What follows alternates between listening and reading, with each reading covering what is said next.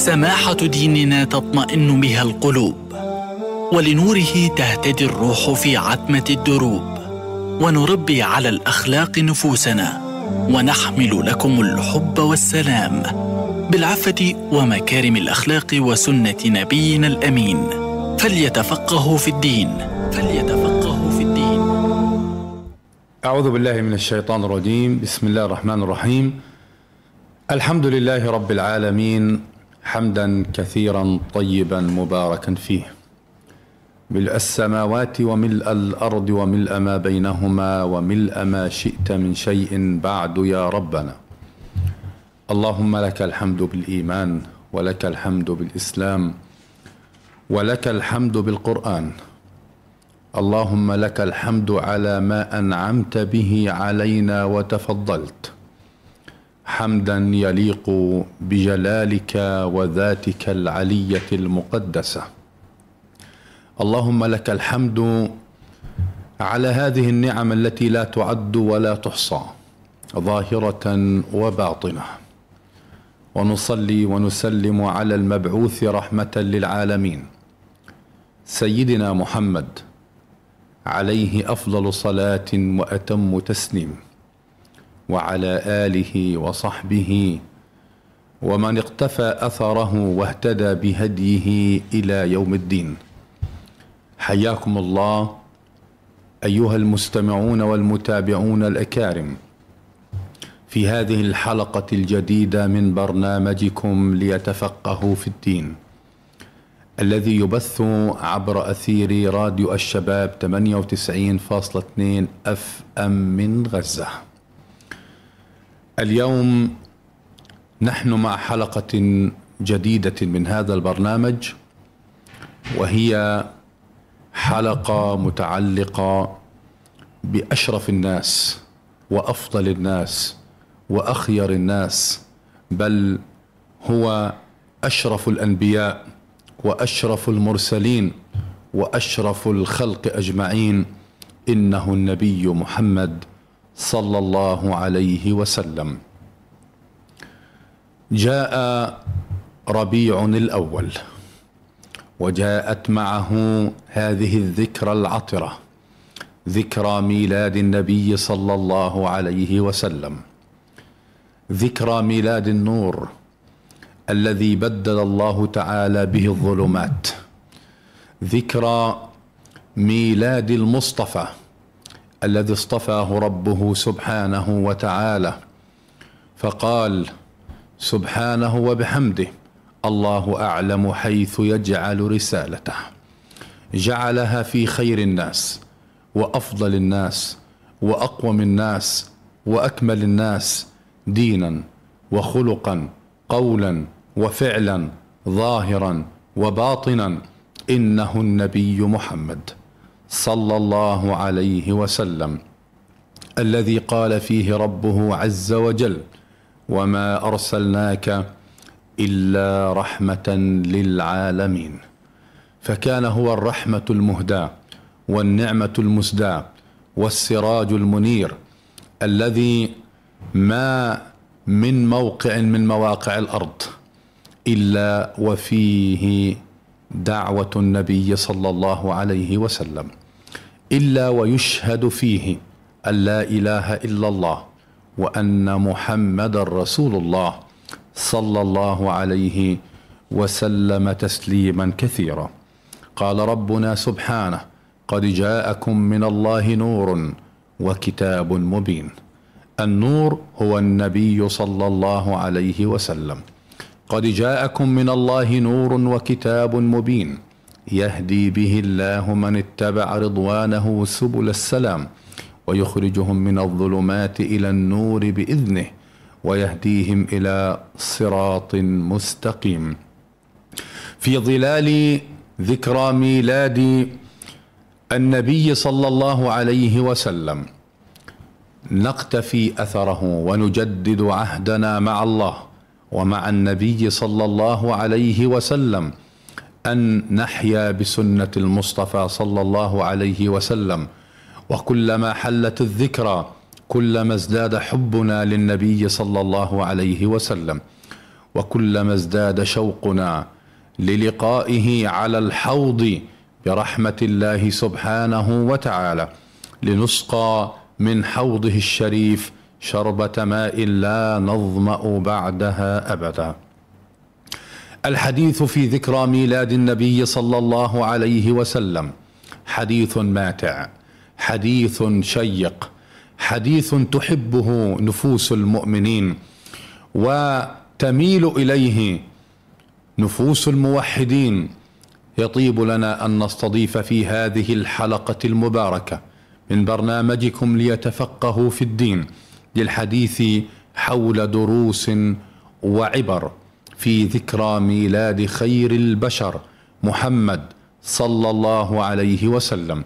نستضيف فضيلة الشيخ عبد الفتاح غانم عضو رابطة علماء فلسطين لكي ندندن حول عديد المحاور التي نعظم من خلالها شأن نبينا صلى الله عليه وسلم ونزداد معرفة بسيرته العطرة وسجاياه الكريمة. حياكم الله فضيلة الشيخ واهلا وسهلا بكم في برنامجكم ليتفقهوا في الدين. حياكم الله أخي الحبيب الشيخ الدكتور محمد سالم وجزاك الله خيرا. حياكم الله. فضيلة الشيخ لا شك أن النبي صلى الله عليه وسلم يعني مثل السراج المنير فجمع بهذا بين صفتي الشمس والقمر. نعم. وهو عليه الصلاة والسلام جاء وقد بعث في أمة أمية. كانت الجاهلية هي سيدة الموقف. كان الظلام قد عم وطم في تلك الديار. فجاء النبي صلى الله عليه وسلم نورا مبينا يهدي به الله سبحانه وتعالى وبدعوته المباركة الناس ليخرجهم من الظلمات إلى النور. لو تطرقنا قبل الحديث عن النبي عليه الصلاة والسلام وبعض سجاياه وما يتعلق بهذا الموضوع الكريم لو تطرقنا إلى حال جزيرة العرب قبيل بعثة النبي صلى الله عليه وسلم. بسم الله الرحمن الرحيم. الحمد لله رب العالمين والصلاة والسلام على خير خلق الله أجمعين. سيدنا محمد صلى الله عليه وسلم وعلى آله وأصحابه والتابعين عليهم بإحسان إلى يوم الدين. وبعد فلا شك أخي الحبيب في الحقيقة أن هذه الذكرى العطرة ذكرى ميلاد خير, خير خلق الله محمد صلى الله عليه وسلم ليست مجرد مناسبة مولد إنسان عظيم فحسب بل إنها ذكرى مولد أمة. فبولادته صلى الله عليه وسلم ولدت أمة العرب من جديد. نعم. بعد أن كانت في ظلام دامس أصبحت لتقود العالم وتنشر الفضيلة والعدل والسلام. تحارب الظلم والطغيان. أمة لا تفرق ولا تظلم ولا تضطهد. وما هي إلا عقود قليلة من ولادته صلى الله عليه وسلم حتى ارتفعت راية الله عالية خفاقة في أرجاء جزيرة العرب. وفوق بلاد فارس وعلى تخوم الروم وفي شمال إفريقيا. دخل الناس في الإسلام عن طواعيه ورضا واقتناع في هذا الدين الجديد الذي رفع شعار لا إكراه في الدين. قد تبين الرشد من الغي. وكذلك قول الله سبحانه وتعالى لكم دينكم ولي دين. الإسلام أخي الحبيب جاء وأصبح الناس بالمليارات والحمد لله كلهم يدينون بهذا الدين لصاحب الذكرى العطرة عليه صلوات الله وسلامه صلى الله عليه وسلم. فجعله لذلك سيد ولد آدم ولا فخر فكان مولده مولد النور والبركة. اهتز له عرش كسرى وانطفأت به نار فارس بعد أن ظلت مشتعلة حوالي ألف عام. أخي الحبيب العرب خاصة والعالم عامة كان يعيش أسوأ حالاته. ويكفينا آية واحدة من كتاب الله سبحانه وتعالى توضح ما كان عليه العالم في ذلك الوقت. فيها يقول سبحانه وتعالى مذكرا العرب والمسلمين واعتصموا بحبل الله جميعا ولا تفرقوا. واذكروا نعمة الله عليكم إذ كنتم أعداء فألف بين قلوبكم فأصبحتم بنعمته إخوانا وكنتم على شفا حفرة من النار فأنقذكم منها. نعم. العالم كله كان على حافة الهاوية فجاء رسول الله صلى الله عليه وسلم وأنقذه بهذا الدين الكريم. أخي الكريم العرب في الجزيرة خاصة في أحوالهم السياسية مثلا لم يكن لهم دولة. نعم. كان السائد النظام القبلي القبيلة هي التي تحكم بقوانينها التي هي تخترعها. لم يعرفوا الاجتماع على دولة. وحتى في كل الجزيرة العربية طوال تاريخها قبل الإسلام لم تعرف وحدة سياسية جامعة تجمعها. وحتى في الدول التي قامت في اليمن أو في أطراف الجزيرة في الشام والعراق لم تنصهر الجماعة فيها في شعب واحد وإنما بقيت وحدات متفرقة. يسودها نظام القبيلة القبلي. آه، لها نفوذ واستقلال ولها أحكام تدعها لأنفسها. آه، يريد أن يطبقها ويلزم بها شيخ القبيلة. دون رادع له يمنعه من الظلم أو من غير ذلك. في أحوالهم الدينية يعني معروف أنهم كانوا مشركين كما وصف القرآن الكريم. نعم. عبدة الأوثان. آه، الرسل جاءوا لهم من قبل آه، فمنهم القليل من آمن وبقي على دين إبراهيم عليه السلام الحنفية. نعم. آه، وأكثرهم اخترعوا الأصنام والآلهة التي عبدوها من دون الله سبحانه وتعالى. نجد أخي الكريم أنهم كان الواحد منهم يصنع إلهه بيده من الحجر. وقد روى البخاري في صحيحه عن أبي رجاء الغطاري قال كنا نعبد الحجر فإذا وجدنا حجرا خيرا منه استبدلناه سبحان به الله. وأخذنا الآخر. فإذا لم نجد حجرا جمعنا آه، جثوة من تراب يعني حفرة من تراب ثم جئنا بالشاة فحلبناه عليه ثم طفنا به يعني عبدناه. نعم. ومن أغرب ما آه، قرأنا في ذلك أنهم كانوا يصنعون أو كان بعضهم يصنع إلهه من الحلوى فإذا جاع أكل إلهه. فأين عقول هؤلاء؟ هذا أخي الكريم يمثل الحالة الدينية التي كان يعيشها العرب في تلك الجزيرة العربية التي جاء إليها النبي صلى الله عليه وسلم. صلى الله عليه وسلم. أما الأحوال الاجتماعية والأخلاقية تحدث عنها ولا حرج. نجد أن طبعا الحالة الاجتماعية والأخلاقية نابعة من الدين. نعم. فإذا كان الدين فاسدا نعم. إذا كانت العقيدة باطلة كيف سيكون وضع المجتمع الاجتماعي والأخلاقي؟ بالتأكيد سيكون فاسدا. لذلك أخي الكريم نجد أنهم في نظامهم في الحياة كانوا نظرتهم إلى المرأة غير متزنة المرأة غير متزنة. لا يعطونها حقها من الميراث كانوا يعطون الميراث للرجال الذكور. قالوا بأنه لأنه هذا يحارب ويأتي بالمال. وأما المرأة فإنها لا تحارب ولا تستحق هذا الميراث كانوا يحرمونها من الميراث وكانوا ينظرون المرأة نظرة الدون آه، يعني يحرمونها من الميراث نعم. لأنها لا تقاتل ولا تأتي بالمال وأظن أن هذا أيضا كان في الجاهلية يندرج أيضا على الضعاف حتى الرجال حتى الرجال نعم. الضعاف نعم. كانوا لا لا يتورثون نعم يعني نعم. يحرم من الميراث لا يرثون لا لشيء مم. إلا لأنهم ضعاف نعم. والأطفال والنساء ما هذا النظام؟ وما ذنب المرأة؟ وما ذنب الطفل الصغير؟ وما ذنب الضعيف؟ وهل الذي يستحق الميراث هو فقط الذي يأتي بالمال؟ هذا ولا شك أخي الكريم انحراف في تفكيرهم. آه الزواج كان بلا حدود. يتزوج ما شاء من النساء. ويطلق بأي طريقة يريدها. بالنسبة لا للعدد؟ لا, لا يوجد عدد. لا نعم. لا للزواج ولا للطلاق. يعني لا يحكمه ضابط. في زواجه من النساء ولا عندما يطلق المرأة. يطلقها بأي طريقة يريد أو كيف مزاجي. بالمزاج.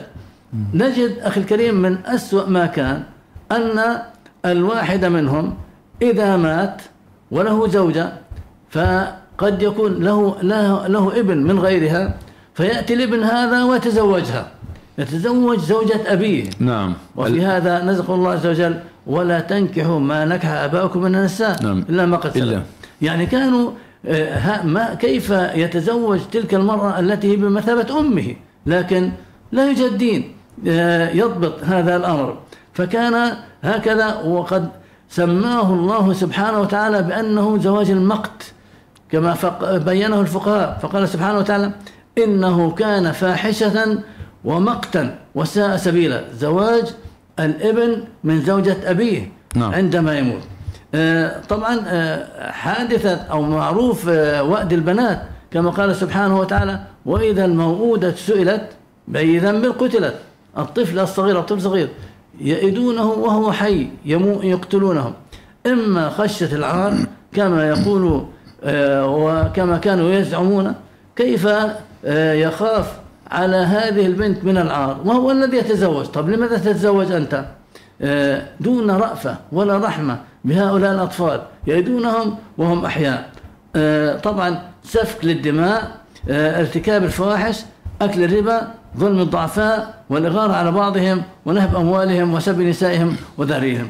تعلم أخي الكريم كيف أن آه، لخص ذلك جعفر بن أبي طالب رضي الله عنه عندما ذهب إلى النجاشي وحاول المشركون أن آه، يجعلوا النجاشي آه، يرفض آه، هذا هؤلاء المسلمين ويعيدهم ويسلمهم للمشركين أو زعماء المشركين لكن النجاشي كما قال النبي صلى الله عليه وسلم بأنه. ملك لا يظلم عنده أحد نعم. عندما أراد المشركون أن وطلبوا منه أن يخرج هذا- هؤلاء المسلمين الذين جاءوا إليه قال نسمع منهم فانتدب المسلمون جعفر بن أبي طالب رضي الله عنه وأوضح له حاله فقال جعفر رضي الله عنه أيها الملك كنا قوما أهل جاهلية نعبد الأصنام ونأكل الميتة ونأتي الفواحش ونقطع الأرحام ونسبي الجوار ونسيء الجوار ويأكل منا القوي الضعيف. وعدد له آه، هذه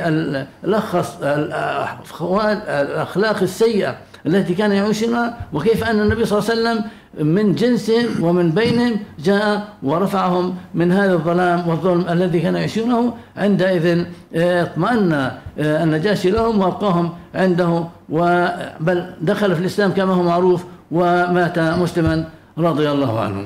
آه، لا شك أخي الكريم بأن هذه الأحوال الصعبة التي كان الناس يعيشونها جاء هذا النور وهذا الخير والهدى والرحمة هذا الرسول الكريم صلى الله عليه وسلم صلى الله عليه وسلم. الذي زكى الله سبحانه وتعالى عقله فقال وما ما ضل صاحبكم وما غوى. وزكى الله سبحانه وتعالى بصره فقال ما زاغ البصر وما طغى. وزكى فؤاده فقال ما كذب الفؤاد ما رأى.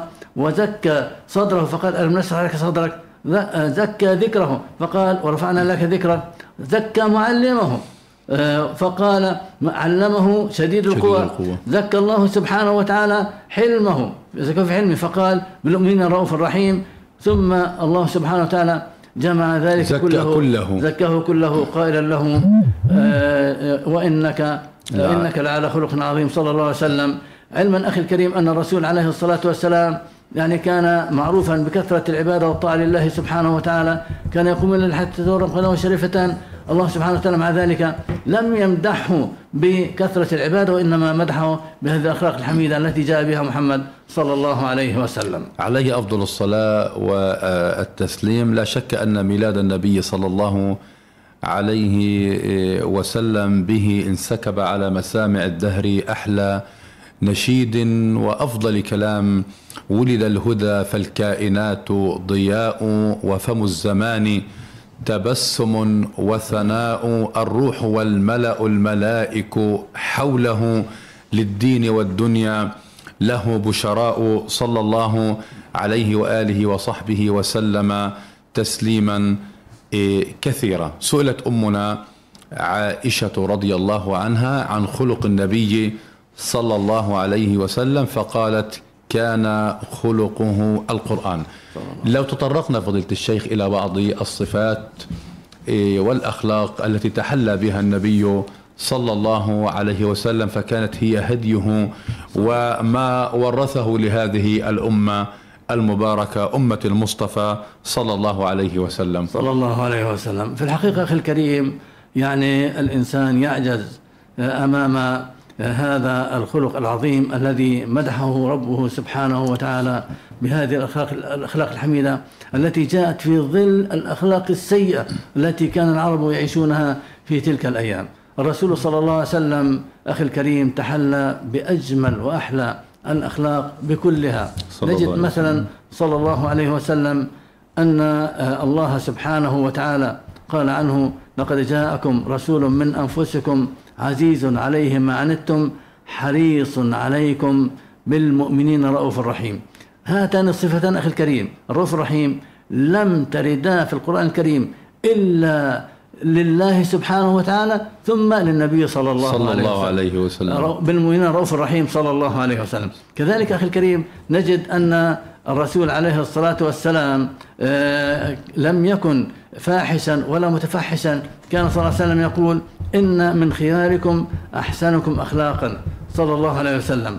وعن أنس رضي الله عنه أن أنه قال خدمت النبي صلى الله عليه وسلم عشر سنين. لاحظ أخي الكريم كيف تعامله مع الخادم خلال عشر سنين خدمه يعني أنس رضي الله عنه خادم النبي صلى الله عليه النبي صلى الله عليه وسلم عشر سنين عاش معه عشر سنين في بيته نعم. يعلم حال النبي الوضع. كله الوضع الداخلي كله في. لحظة الغضب في لحظة السرور في نعم. كل على كل الأحوال عاش وشهد بهذه الشهادة نعم. العظيمة ثم تعامله معه كخادم نعم. يعني ال- الناس للأسف ينظرون للخادم نظرة دون. نعم. يعني أقل لأنه خادم بيعتبره الرسول عليه الصلاة والسلام لم يكن كذلك. عليه الصلاة والسلام. بشهادة أنس رضي الله عنه. يقول خدمت النبي صلى الله عليه وسلم عشر سنين. ولاحظ أخي الكريم عشر سنين. يعني مش يوم ولا يومين ولا سنة ولا نعم. سنتين مدة طويلة.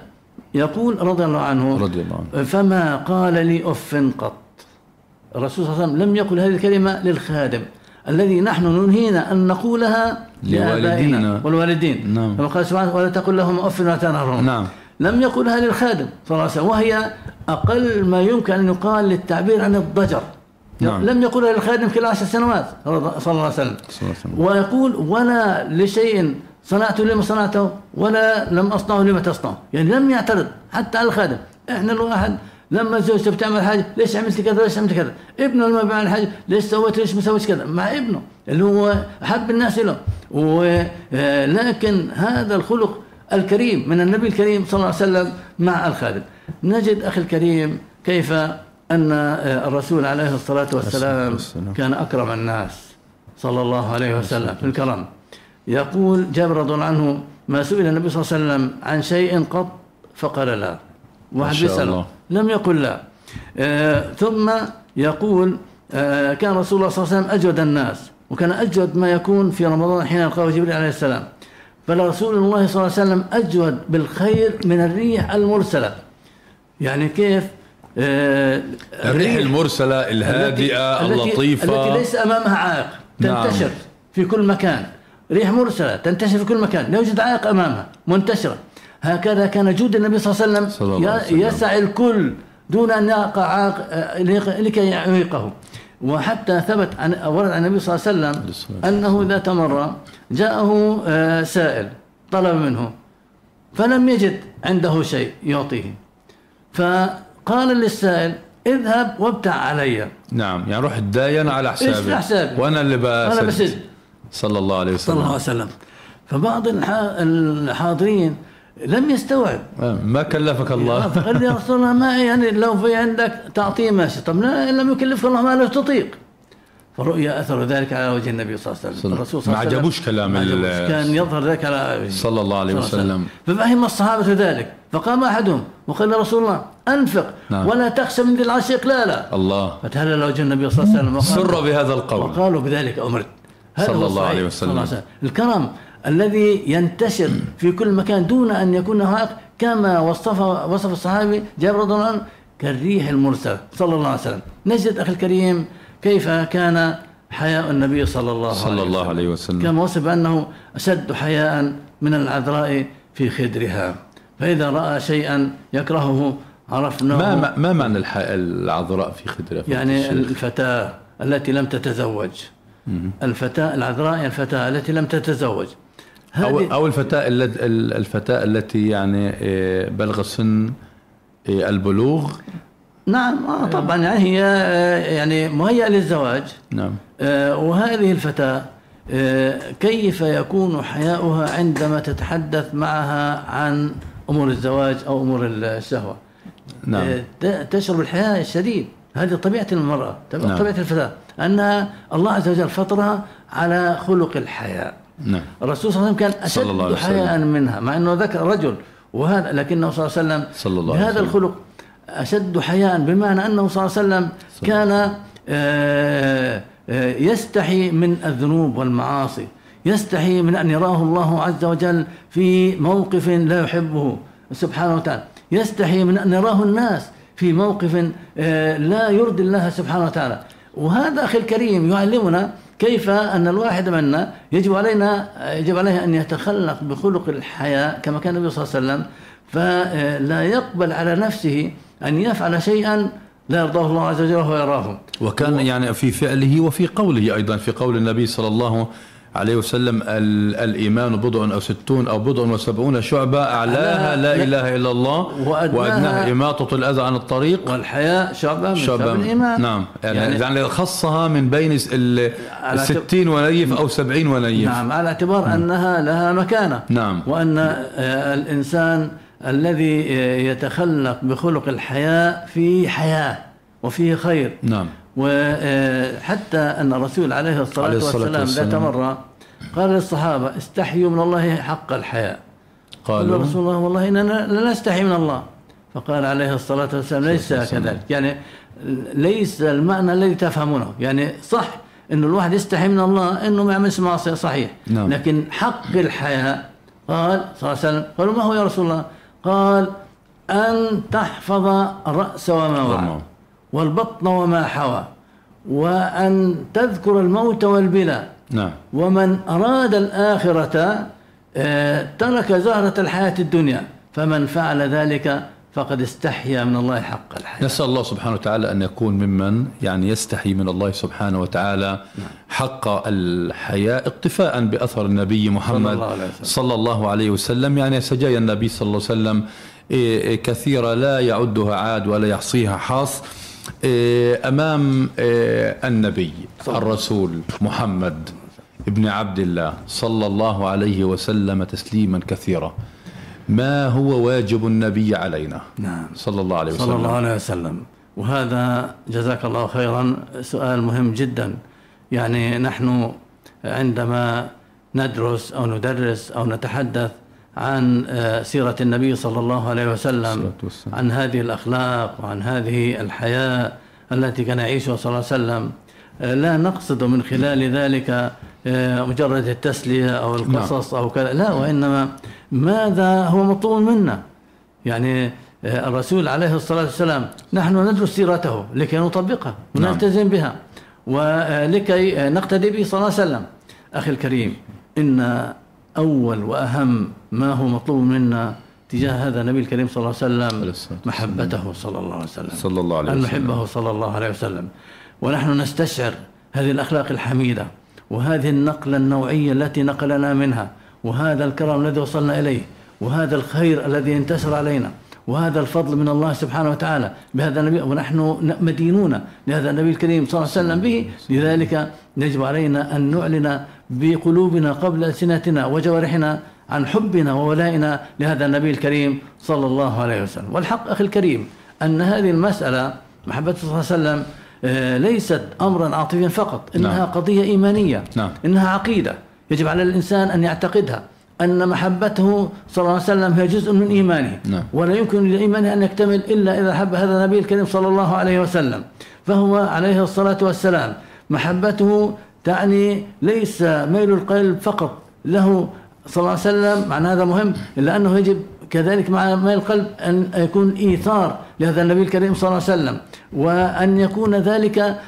أن نحبه أكثر من حبنا لأنفسنا ولأولادنا ولآبائنا ولكل الدنيا وفي هذا حديث نعم. فضيلة الشيخ حديث نعم. البخاري عن أنس. رضي الله عنه أن النبي صلى الله عليه وسلم قال لا يؤمن أحدكم حتى- حتى أكون أحب إليه من والده وولده والناس والناس أجمعين صلى نعم. الله عليه وسلم. فكان هذا في محضر عمر رضي الله عنه. نعم. فقال رسول الله إني لو أحبك أكثر من ولدي ووالدي والناس أجمعين ولكن من نفسي فإن النفس فيها شيء.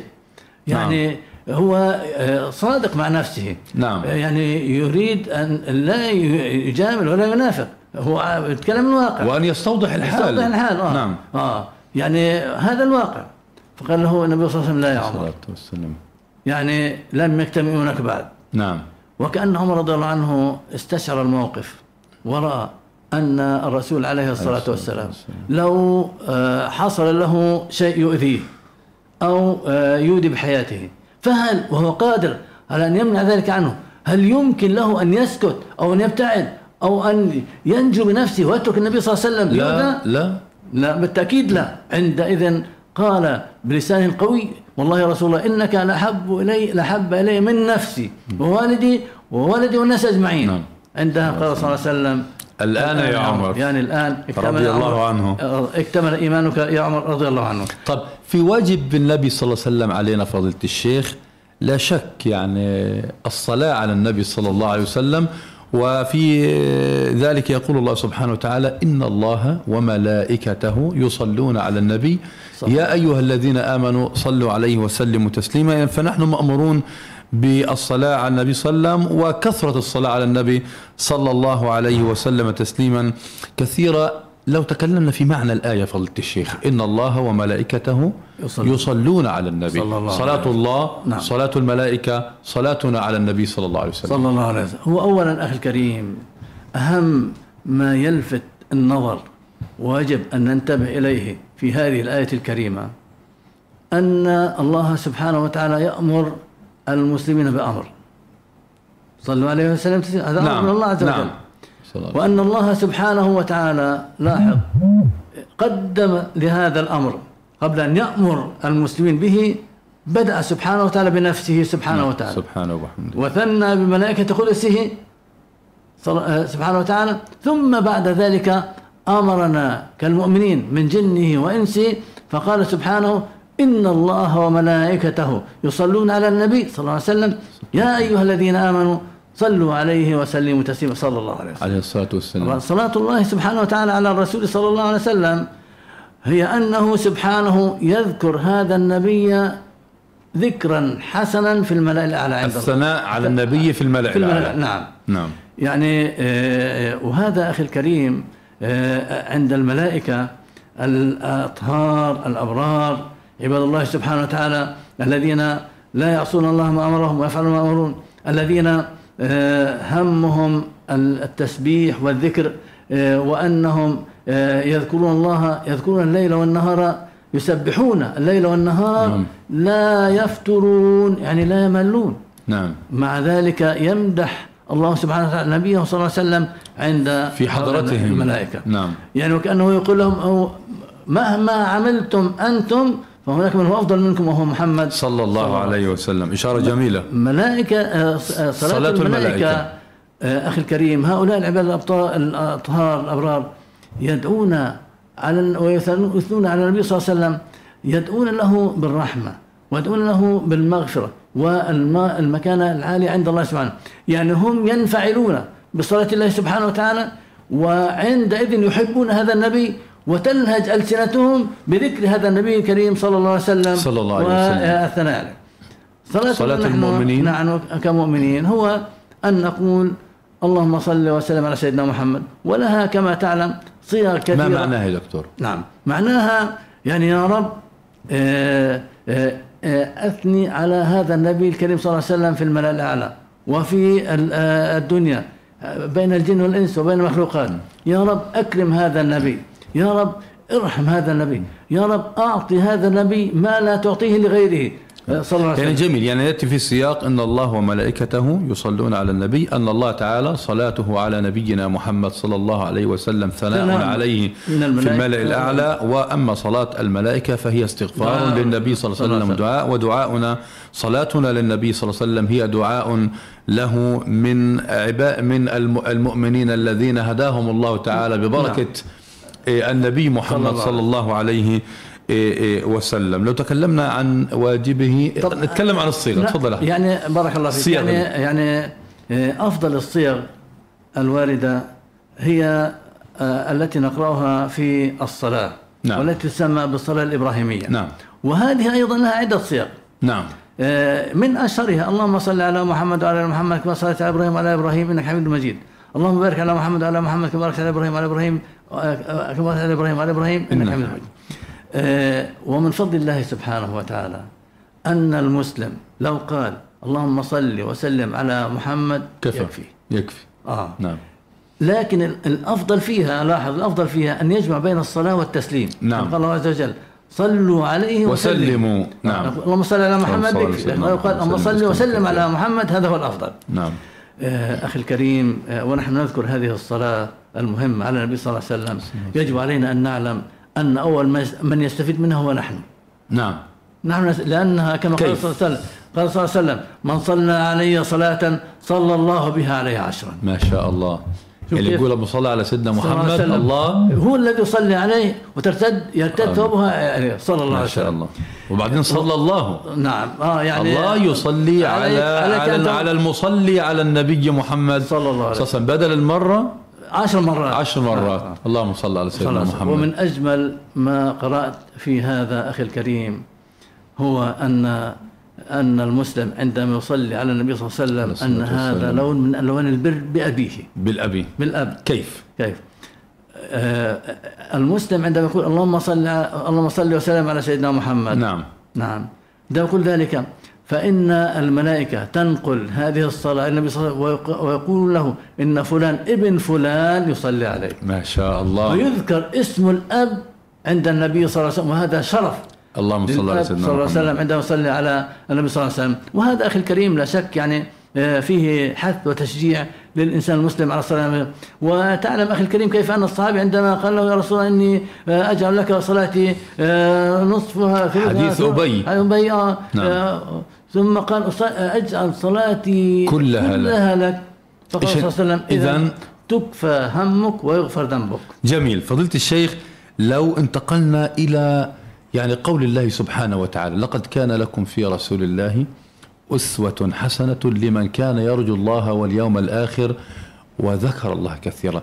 الاقتداء والتأسي بالنبي صلى الله عليه وسلم. ويا أخي حبيبي أخي الك- حبيب يعني في الحقيقة أن هذا لون من ألوان محبة النبي صلى الله عليه وسلم. صلى الله عليه وسلم. يعني نحن آه، ندرس السيرة فنحب النبي صلى الله عليه وسلم ونصلي على النبي صلى الله عليه وسلم. وهذه المحبة لابد أن آه، تجعلنا نقتدي به. نعم. ونتأسى به صلى الله عليه وسلم. صلى الله عليه وهي وسلم. أمر من الله عز وجل.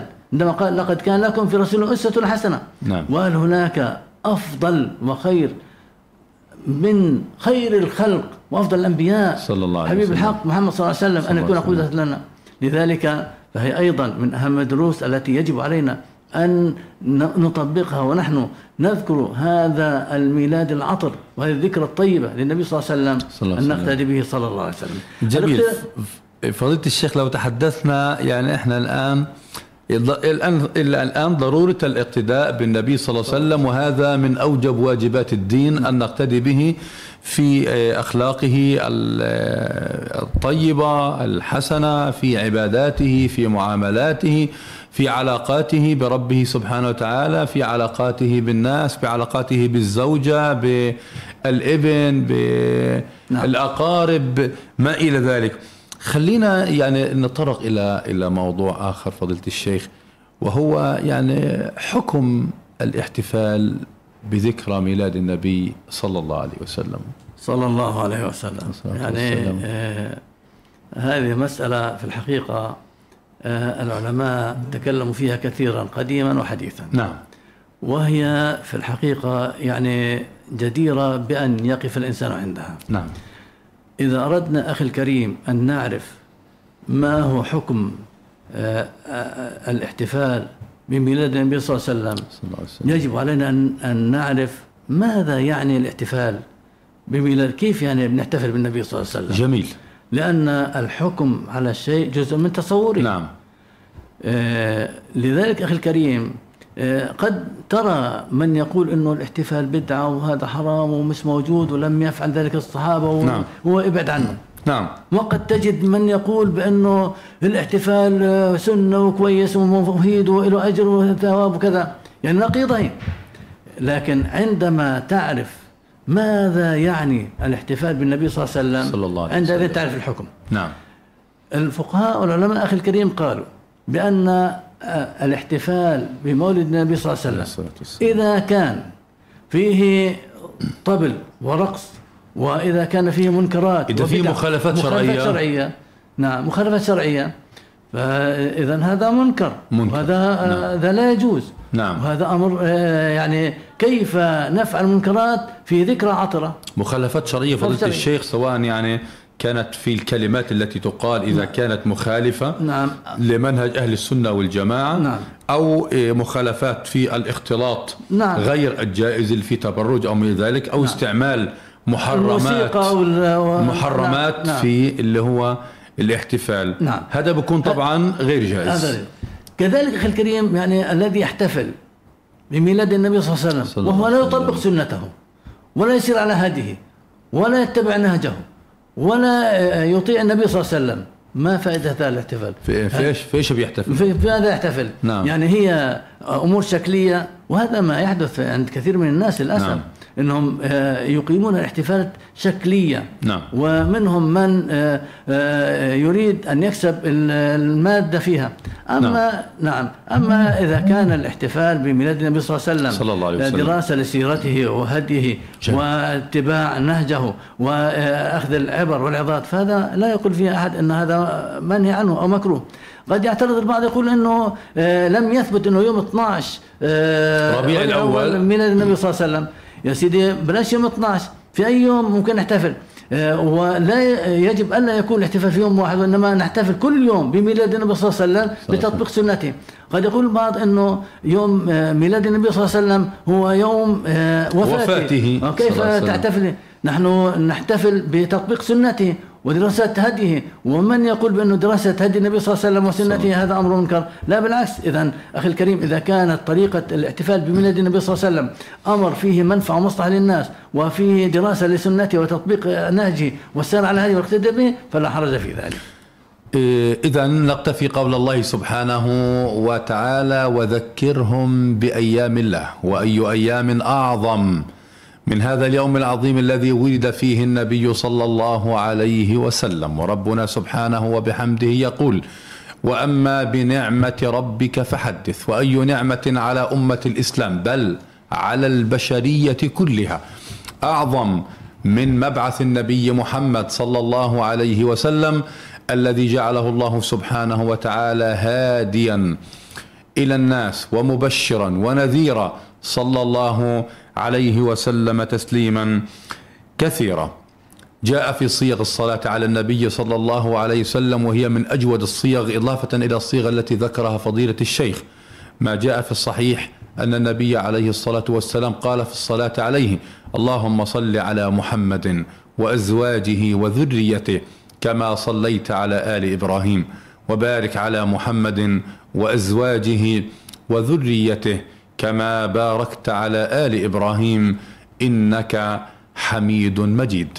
أيها المستمعون والمتابعون الأكارم حيثما كنتم سعدنا بصحبتكم في ظلال الصلاة على رسول الله صلى الله عليه وسلم في مطلع ربيع الأول شهر النبي محمد صلى الله عليه وسلم. على أمل أن نلقاكم في الحلقة القادمة. لكي نشنف آذاننا بمحاور حديثة. ندندن خلالها أيضا في ذكرى خير البشر محمد صلى الله عليه وسلم تسليما كثيرا. حتى نلقاكم في الحلقة القادمة إن شاء الله. أسأل الله أن تكونوا دائما بخير وعافية. عاطر التحايا لكم من محدثكم الدكتور محمد كمال سالم والشكر لكم موصول بفضيلة الشيخ عبد الفتاح غانم عضو رابطة علماء فلسطين ضيفنا في هذه الحلقة المباركة. والسلام عليكم ورحمة الله تعالى وبركاته. سماحة ديننا تطمئن بها القلوب ولنوره تهتدي الروح في عتمة الدروب ونربي على الأخلاق نفوسنا. ونحمل لكم الحب والسلام بالعفة ومكارم الأخلاق وسنة نبينا الأمين. فليتفقهوا في الدين. فليتفقهوا